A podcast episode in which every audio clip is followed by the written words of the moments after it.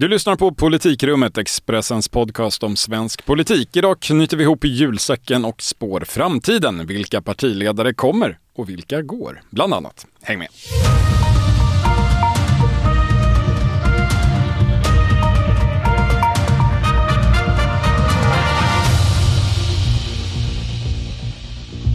Det är tisdag den 20 december och Politikrummet sammanträder för sista gången under 2022. Ett händelserikt politiskt år får man säga.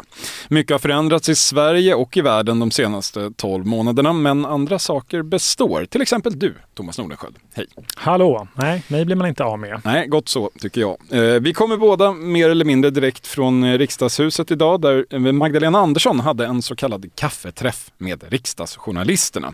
Ett slags semi-informell presskonferens kan man säga. Mm. Förr i tiden så fick man inte yppa vad som sades på de här träffarna, men det får man lyckligtvis nu. Så, vad kan vi berätta om detta då egentligen? Ja, inte så mycket faktiskt. Alltså det var väldigt fritt från nyheter. Alltså det var ju mycket Sverigedemokraterna som vanligt får man säga.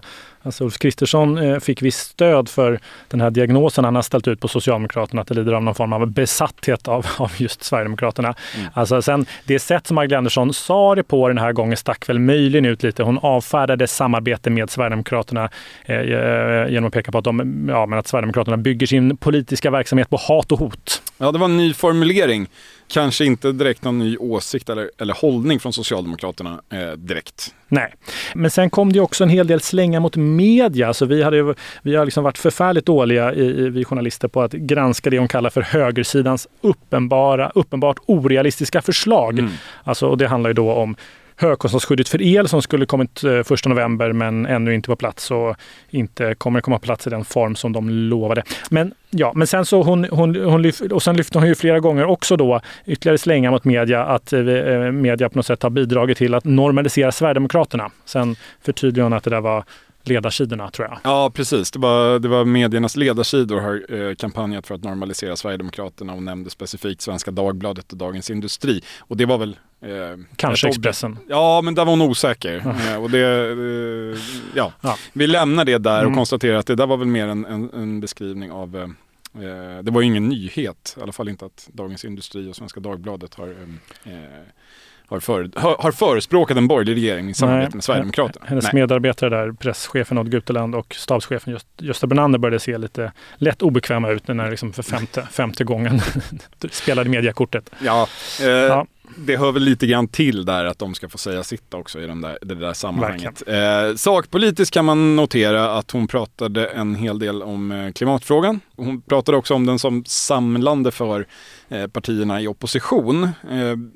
Det är ju annars inget under av samordning än så länge på den rödgröna sidan och det ser inte ut att bli det heller.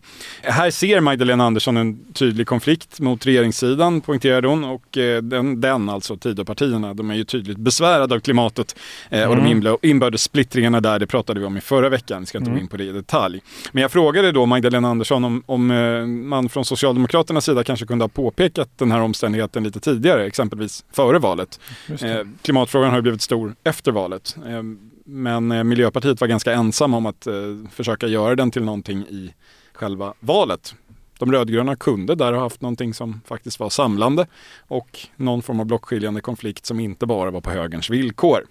Just det. Typ. Men då tyckte hon att hon visst hade lyft klimatet. Ja, Eh, det var nog inte så många utanför partiet som märkte det i alla fall.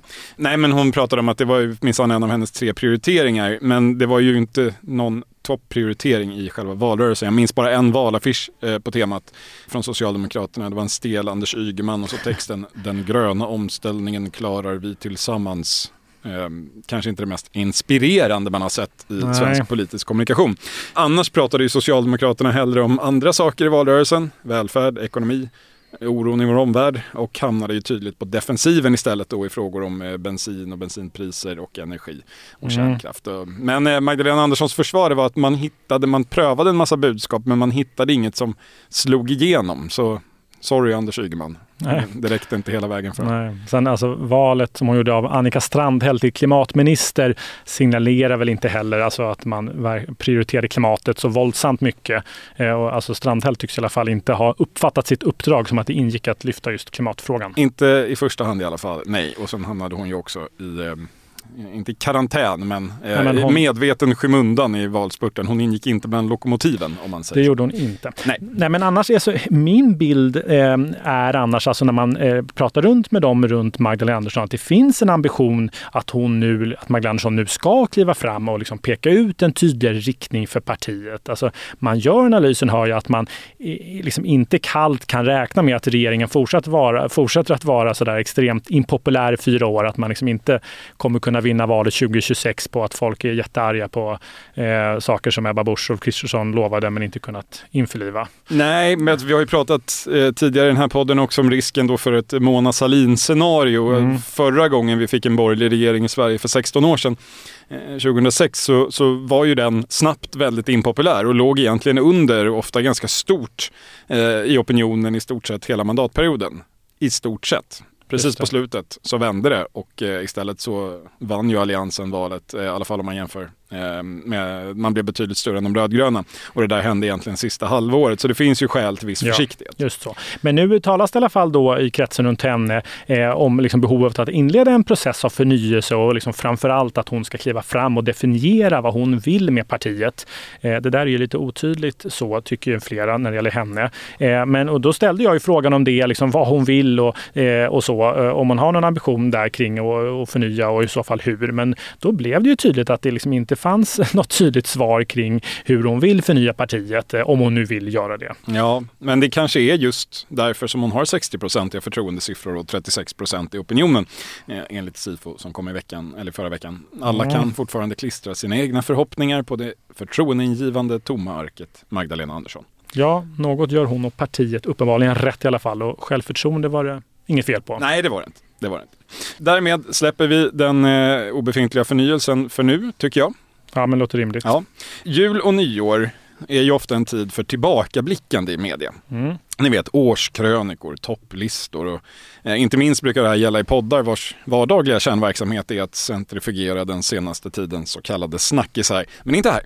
Politikrummet är ju en nyhetspodd och dessutom en framåtblickande podd. Så istället för att fastna i det som har varit så tänkte vi därför prata om vad som händer nästa år. Eh, ja, det blir förmodligen inte lika mycket som i år, får man väl nästan hoppas i alla fall, men säkert en hel del ändå. Alltså, vi brukar ju säga att det inte finns några mellanvalår i svensk politik längre, så att valrörelsen pågår oavbrutet. Ja, det har känts så eh, en längre tid. Vi får väl se om det faktum att vi för första gången på ja, över 12 år har en regering med majoritet i riksdagen, om det liksom lugnar ner saker och ting. Men jag tror det när jag ser det. Mm. Men en sak som vi med säkerhet vet händer under 2023, det är att Centerpartiet ska välja sig en ny partiledare. Mm. Detta sker den 2 februari vid en extra stämma i Helsingborg i samband med partiets kommundagar. Vad vi däremot inte vet är vem det blir. Eller, Thomas? Nej, det gör vi ju inte. Men, alltså, men det har ju under de senaste månaderna, eller vad det nu är, alltså börjat luta allt mer, mer åt Muharrem Demirok. Eh, Murre som alla säger i Centerpartiet. Alltså, flera eh, av dem jag har pratat med i partiet säger att eh, eh, han nu eh, liksom är den nya favoriten och att han har liksom goda, bedöms ha goda chanser att bli den som valberedningen nominerar när, när det ska presentera sin kandidat nu efter helgerna, enligt vad jag får höra. Ja, vi får se om det eh, faktum att han är i nyheterna alldeles här precis nu ändra på den saken. Det är Östgöta-korrespondenten som rapporterar eh, att eh, Muharrem Demirok är dömd för misshandel två gånger under 90-talet. Han var alltså tämligen ung. Han går själv ut och berättar om det här och eh, säger att han nog borde ha berättat det här tidigare men att det varit svårt att prata om. Vi får väl se om den omständigheten på något sätt påverkar eh, den kandidatur som han nu driver. Eh, det, det får i, eh, i talande stund vara osagt. Ja, men det är mycket den här processen som inte riktigt har gått som förväntat eller planerat för flera av kandidaterna. För det man kan säga är ju att, att mycket nu, liksom att man nu lyfter fram Muharrem Demirok som favorit, har gjort i alla fall fram tills nu. Det beror ju i stor utsträckning på att de andra två kandidaterna liksom anses ha fallit i stor utsträckning på eget grepp. Alltså vi har ju Daniel Bäckström som är liksom tungviktarpartiet, gruppledare i riksdagen då för Centerpartiet, anses ju liksom mer eller mindre har sumpat sina chanser, sin kandidatur när han tvekade och inte kunde svara på om han ville viga ett samkönat par eller gå längst fram i Pride-tåget. Och sen har vi Elisabeth Tand Ringqvist som sägs ha tappat en hel del i stöd för sina eh, alltför, vad sa vi, eh, alltför professionella kampanjmetoder att ja. hennes, folket runt omkring henne har drivit eh, lite för uppenbar kampanj då mot andra kandidater. Smutsigt, Hon försökte utnyttja Daniel Bäckströms eh, då, eh, uttalanden eh, mm. om Pride-tåg och samkönade äktenskap. Men eh, drog med sig själv i fallet. Ungefär så. Ja,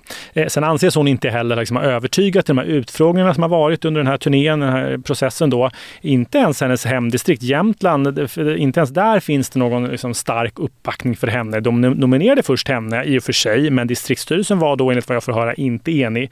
Och nu ska liksom en del kommunalråd från den här regionen då och runt omkring ha, ha tagit ställning för Muharrem Demirok, däribland Östersund. Och enligt mina källor så stöttar Hanna Wagenius just nu, Muharrem Demirok också. Och hon väger ju tungt internt. Ja, Hanna Wagenius, tidigare ordförande i ungdomsförbundet, eh, på den tiden då förbundet kanske var lite mer tongivande, eh, var toppnamn i just Jämtland i riksdagsvalet som var ett mandat som Centerpartiet förlorade, vilket ju i sig var väldigt traumatiskt. Så ja, eh, en, ja, en röst som spelar roll. Ja, eh, men även då kvinnoförbundet backar, har ju nu backat upp Muharrem Demirok och att kvinnoförbundet stödjer honom då, en man och inte den kvinnliga kandidaten, har noterats internt kan man säga. Ja, det, för, det är ju förståeligt. Det är som när uh, liberala kvinnor plötsligt backade Jan Björklund framför Birgitta Birgitta Olsson. Det var väldigt kontroversiellt internt. Mm. Men ungdomsförbundet och studentförbundet i eh, Centerpartiet, de har ju sin sida då tagit ställning för Elisabeth Thand Ringqvist.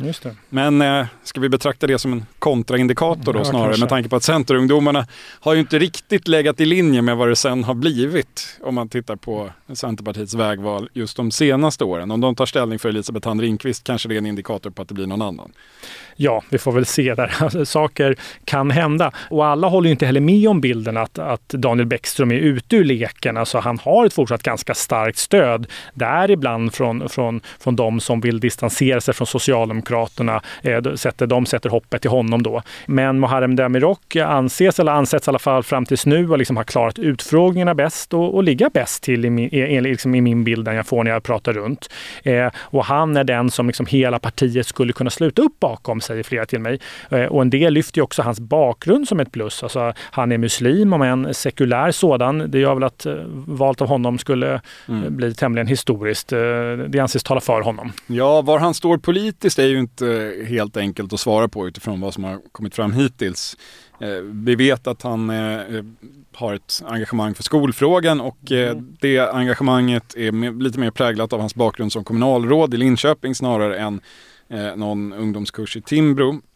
Han har väl varit, uttalat sig ganska positivt för åtstramning av reglerna mm. för friskolor. Mm. Det har ju blivit lite av en vattendelarfråga i Centerpartiet nu för de som kanske ser att partiet eh, eh försöker att modifiera partiets politiska hemvist en smula. Eh, ja. Och, ja. Om, det, jag vet inte om ordet vänstervridning är, är tillämpligt men det, men det är ändå något av en signalfråga för att man kanske ändå mm, ja, man är inte eh, Timbro-extremist i alla fall. Nej, och han är väl någonstans den kandidat som liksom lirar bäst med, med, med kravprofilen, att man vill ha en ny Annie Lööf. Det är så jag uppfattat. Alltså, Daniel Bäckström är väl mera åt Fälldin-hållet eh, i så fall, om man nu ska ändå gå in på detta. Och Elisabeth Tandringqvist är, eller vill i alla fall vara, Maud Olofsson, eh, trots att eh, de väljarna som röstade på partiet under Maud Olofssons ledning väl har gått vidare för länge sedan. Ja, det är en politisk position som inte har funnits på ett tag. Vi var inne på det här om veckan att den kandidat som egentligen matchar efterfrågan bäst är ju eh, Annie Lööf. Enklast hade ju varit att be henne sitta kvar men det eh, är nog inte aktuellt. Nej, det blir svårt. Alltså Annie Lööfs aktier tycks ju annars rent generellt ha stärkts på sistone i partiet. Alltså hon klarade den sista agendadebatten bra, eh, menar många. Hon fick ju också eh, bra betyg, hamnade högt upp där i någon mätning och lyckades, menar många, eh, liksom ändå visa i den här debatten att det här inte helt lättförklarade, den här inte helt lättförklarade centerpositionen faktiskt bär. Alltså där man ju kritiserar regeringen för att den inte bedriver en tillräckligt borgerlig ekonomisk politik, men samtidigt då förordar en socialdemokratisk statsminister. Ja, samtidigt som man kritiserar Socialdemokraterna för att sluta upp bakom tidavtalets migrationspolitik i huvudsak. Det är en, eh, man brukar ju säga att det gäller att ha något som skiljer ut den i mängden eh, eh av partier och här har ju Centerpartiet onekligen en väldigt egen position. Sen kanske den är för egen. Ja, men annars måste man ju säga att det, liksom, det, det inte alls är någon liksom våldsam entusiasm för någon av de här kandidaterna. Alltså hela den här processen präglas av en stor avsaknad av entusiasm. Det är liksom tydligt tycker jag när man ringer runt och valberedningen anses ha gjort ett dåligt jobb. Alltså den ifrågasätts från alla håll för valet av kandidater och annat. Och det är ju en eh, problematisk start för oavsett vem det till slut blir. Eh, det, det, blir inget jättestarkt mandat om till och med valberedningen ifrågasatt innan man ens har eh, presenterat. Men eh, några som kan tänkas vara nöjda över en Annie Lööf 2.0 eller kanske snarare Annie Lööf 3.0 med tanke på att Annie Lööf 2.0 var väl ändå Annie Lööf själv efter 2018 mm. Ehm, och vägvalet att, att samarbeta med Socialdemokraterna. Några som är nöjda med en Annie Lööf 3.0 borde ju vara just Socialdemokraterna. Eller vad säger de om det här? De, eh, de lurar i vassen i den här processen känns det Ja, nej men så, så är det. Alltså när man ringer runt eh, och pratar med dem runt Magdalena Andersson så är de livrädda för att yppa något som kan uppfattas som att de tar ställning här. Eh, men det är klart att det har funnits en viss oro i Socialdemokraterna över valet av ny partiledare i Centerpartiet. Alltså Centerpartiets liksom, vägval tillskrivs ju stor betydelse inom Socialdemokraterna. Det är tydligt. Och, alltså min bild är att man skulle bli lättare om det blir Muharrem Demirok och inte Daniel Bäckström faktiskt. Ja, det, det, det har jag full förståelse för, men handlar det nog ändå inte mer om att det då kan gå lite snabbare för Centerpartiet att faktiskt anpassa eh, även sin politik till de nya omständigheterna, alltså att man ingår i den socialdemokratiska omloppsbanan. För det gör man ju eh, oavsett vem man väljer och där tror jag att väljaropinionen eh, ganska tydligt sätter ramarna för vad den nya partiledaren, oavsett vem det blir, kan ta sig för. Ja, alltså, och man hör också viss frustration inom Socialdemokraterna över att Centerpartiet har så svårt att, som de uppfattar det, fatta att de idag i, i princip bara har vänsterväljare och att eh, man menar att liksom, de måste inse var de hör hemma, typ.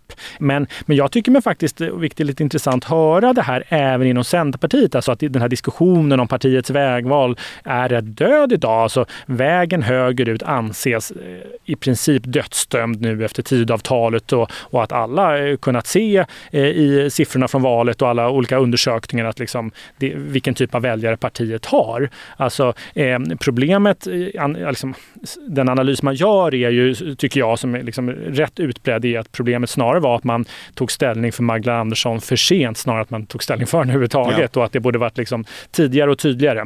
Eh, så.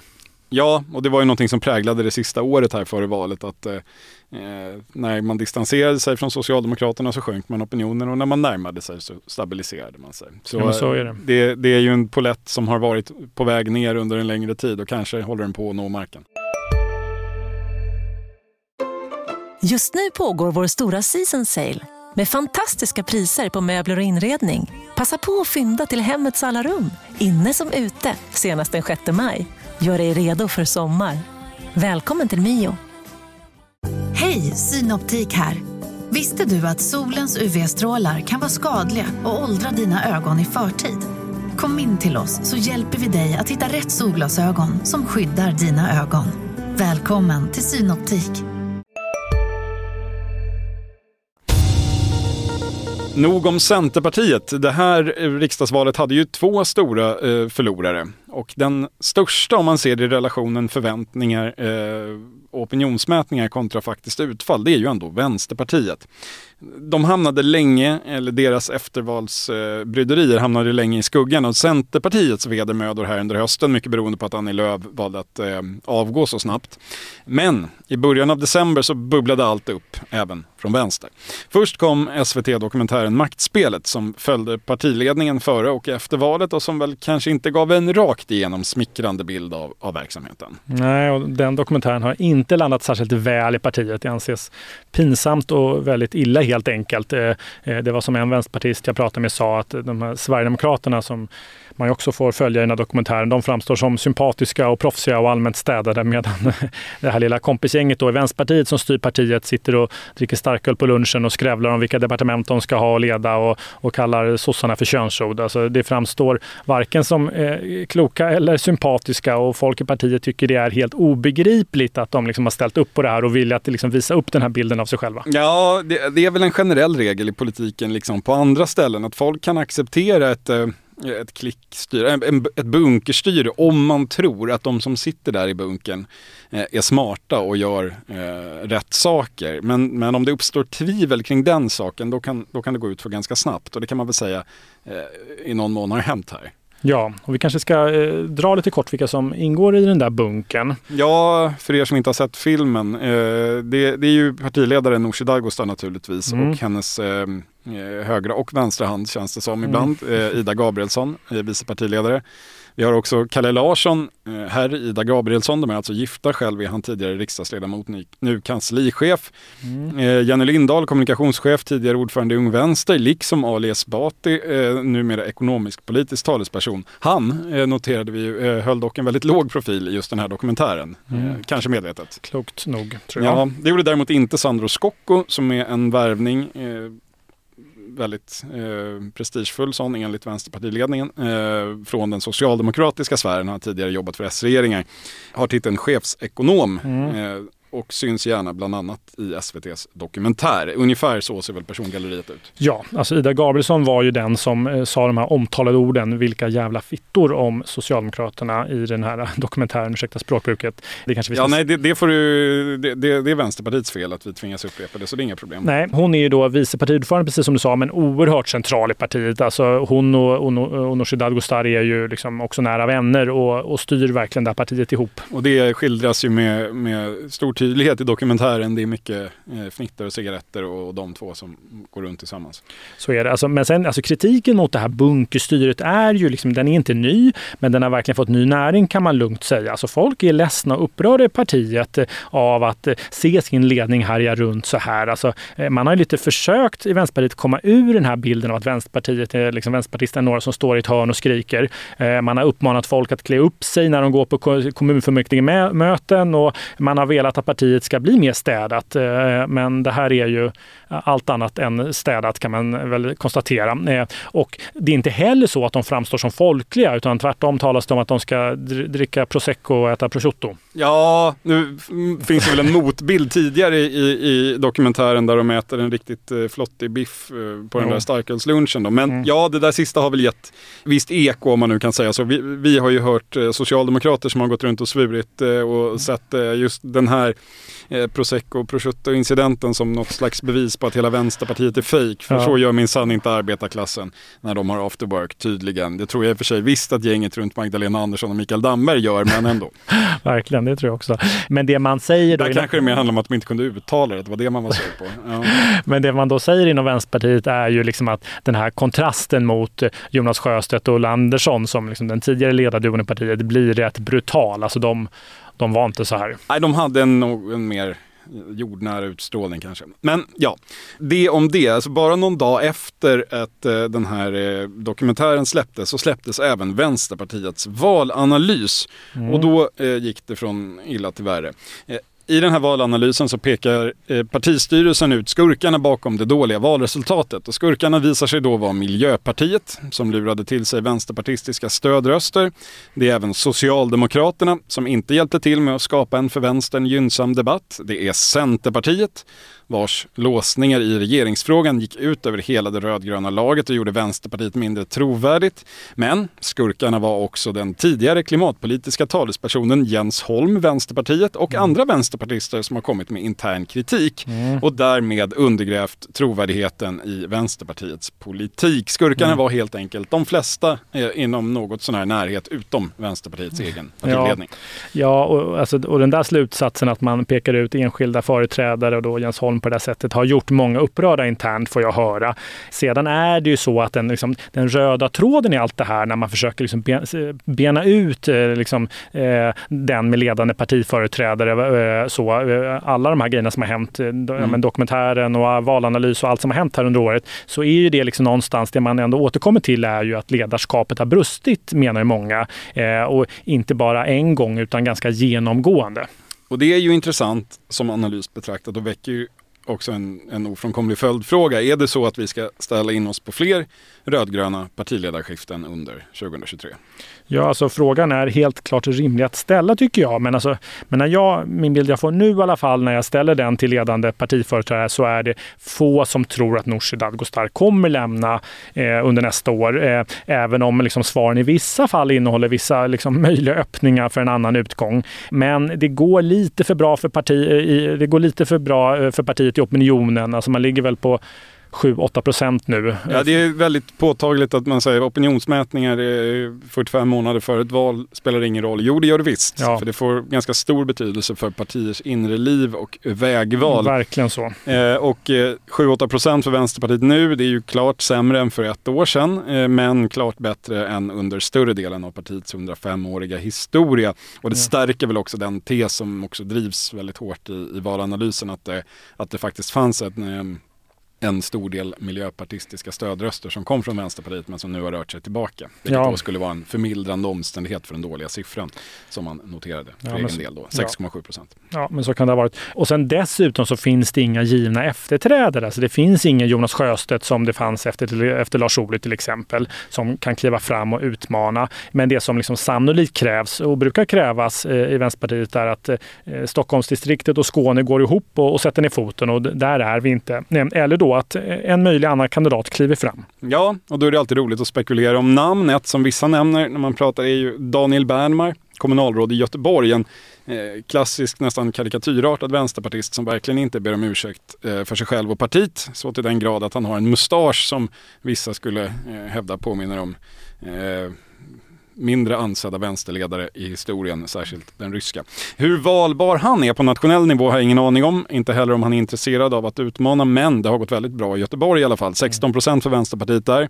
Tydligt framgångsval och plats i det nya rödgröna styret. Ja, och från Stockholm har vi ju Klara Lindholm eh, som är en del av det nya styret eh, i huvudstaden, som en del nämner. Eh, även då den stora syndabocken för partiets alla misslyckanden som man har pekat ut i valanalysen då, Jens Holm nämner en del. Alltså där har ju partiledningen, kanske på ett mindre begåvat sätt, skapat en möjlig liksom, intern oppositionsledare eh, som ju dock nu lämnat riksdagen och inte har någon framträdande position i, i partiet längre. Men han eh, lyfts ändå av en del eh, och så. Sen har vi ju, ja, Ali Esbati nämnde vi tidigare. Eh, som var klok nog att hålla sig utanför bild i den här dokumentären. Han är ju populär bland partiets gräsrötter. Ja, nej men och, och personfrågan i all ära, den överskuggande frågan är ju någonstans vad den alternativa politiska vägen för partiet är. Och ska jag försöka uttolka någonting bland missnöjd så är det ju ett allmänt önskemål om att retirera något, bli mer radikalt igen.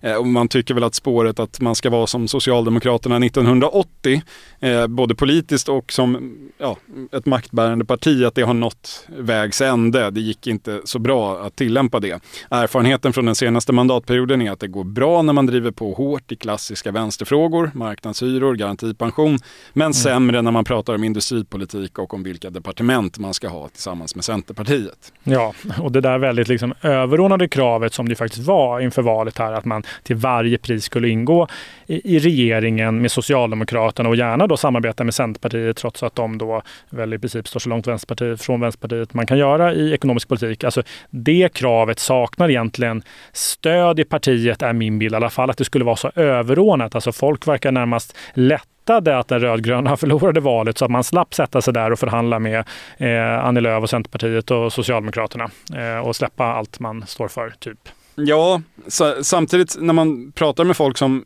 står närmare bunkern, om uttrycket tillåts, eller mm. till och med eh, kanske på väg ner i bunkern, då påpekar ju de gärna att så här är det alltid i Vänsterpartiet, sedan 1917. Alltså någon försöker utveckla partiet och göra det mer valbart varpå kritiska röster tycker att det var bättre förr när man var mer radikal och mindre valbar. Men samtidigt så är det väldigt få som på allvar är emot att försöka skaffa sig politiskt inflytande och göra sig tillgänglig för fler typer av väljare, vilket är eh, vad man då från, från den styrande sidan anser att man håller på med. Ja, Nej, men annars kan man liksom konstatera att det liksom är, tycker jag, det är liksom påtagligt uppgiven stämning i partiet. Det är liksom tydligt när man ringer runt och folk är ja, men genuint besvikna och ledsna och, på det mesta. Så. Men prognosen blir ändå någonstans här tycker jag att ledningen ja, sannolikt sitter kvar, i alla fall Nooshi Dadgostar. Eh, Ida Gabrielsson, det lämnar vi lite kanske eventuellt mer öppet om det ska ske förändringar, kanske snarare är där då. Eh, men eh, ja, det lär fortsätta vara eh, gnälligt och missnöjt. Som så ofta förr i historien. Ja. Vi får se hur det slutar med det. Vi får se hur det slutar med Magdalena Anderssons eh, förnyelse och med allting annat. Politikrummet tar nu jullov om inget väldigt oförutsett inträffar. Vi är tillbaka på den något ovanliga tiden torsdag den 12 januari.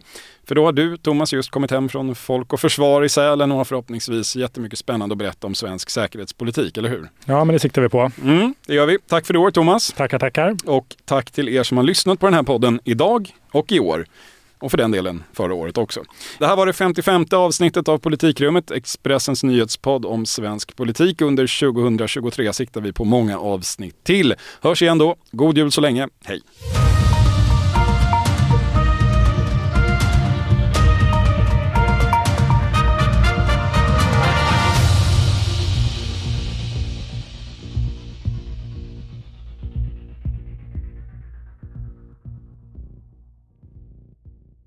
Du har lyssnat på en podcast från Expressen. Ansvarig utgivare Klas Granström